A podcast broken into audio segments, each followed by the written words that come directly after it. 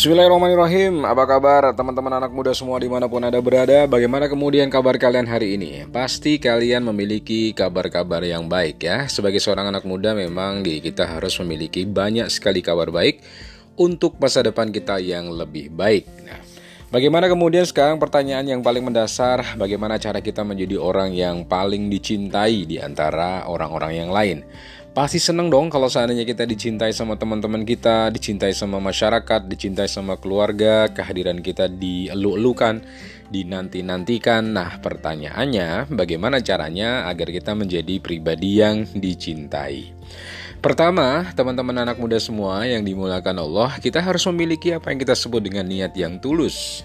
Apa pun yang kita kerjakan, karya-karya yang kita bikin, segala proyek-proyek kebaikan yang kita sebar, semuanya diniatkan karena Allah Tuhan yang Maha Kuasa. Segala bermuara ke sana. Tidak boleh kita kemudian memiliki niat-niat yang lain, seperti misalnya niat ingin pamer, niat ingin dipuji, niat ingin mempertontonkan kehebatan kita, bukan seperti itu, karena ketulusan itu pasti akan menghasilkan sebuah nilai yang baik. Keikhlasan pasti akan menghasilkan sesuatu yang sangat mempesona di akhirnya nanti. Yang kedua adalah jagalah diri kita untuk senantiasa menjadi pribadi yang peka terhadap lingkungan sosial. Think before you talk, think before you write. Pikirlah sebelum kamu bicara, pikirlah sebelum kamu menulis, dan Berpikirlah sebelum kamu berbuat sesuatu.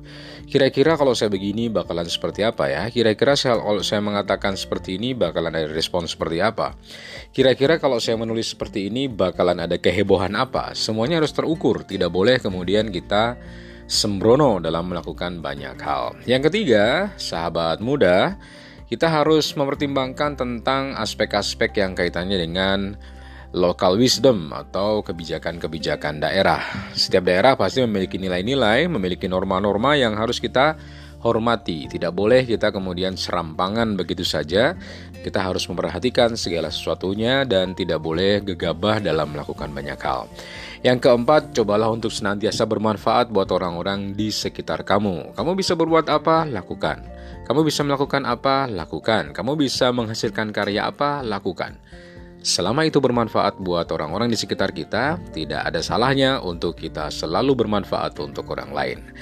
Demikian ngobrol-ngobrol kita pagi hari ini. Mudah-mudahan kita bisa ketemu lagi di segmen yang berbeda. Terima kasih dan jangan lupa untuk selalu semangat bagi masa depan kita yang akan datang. Saya Burhan Sodik dari Burhan Voice.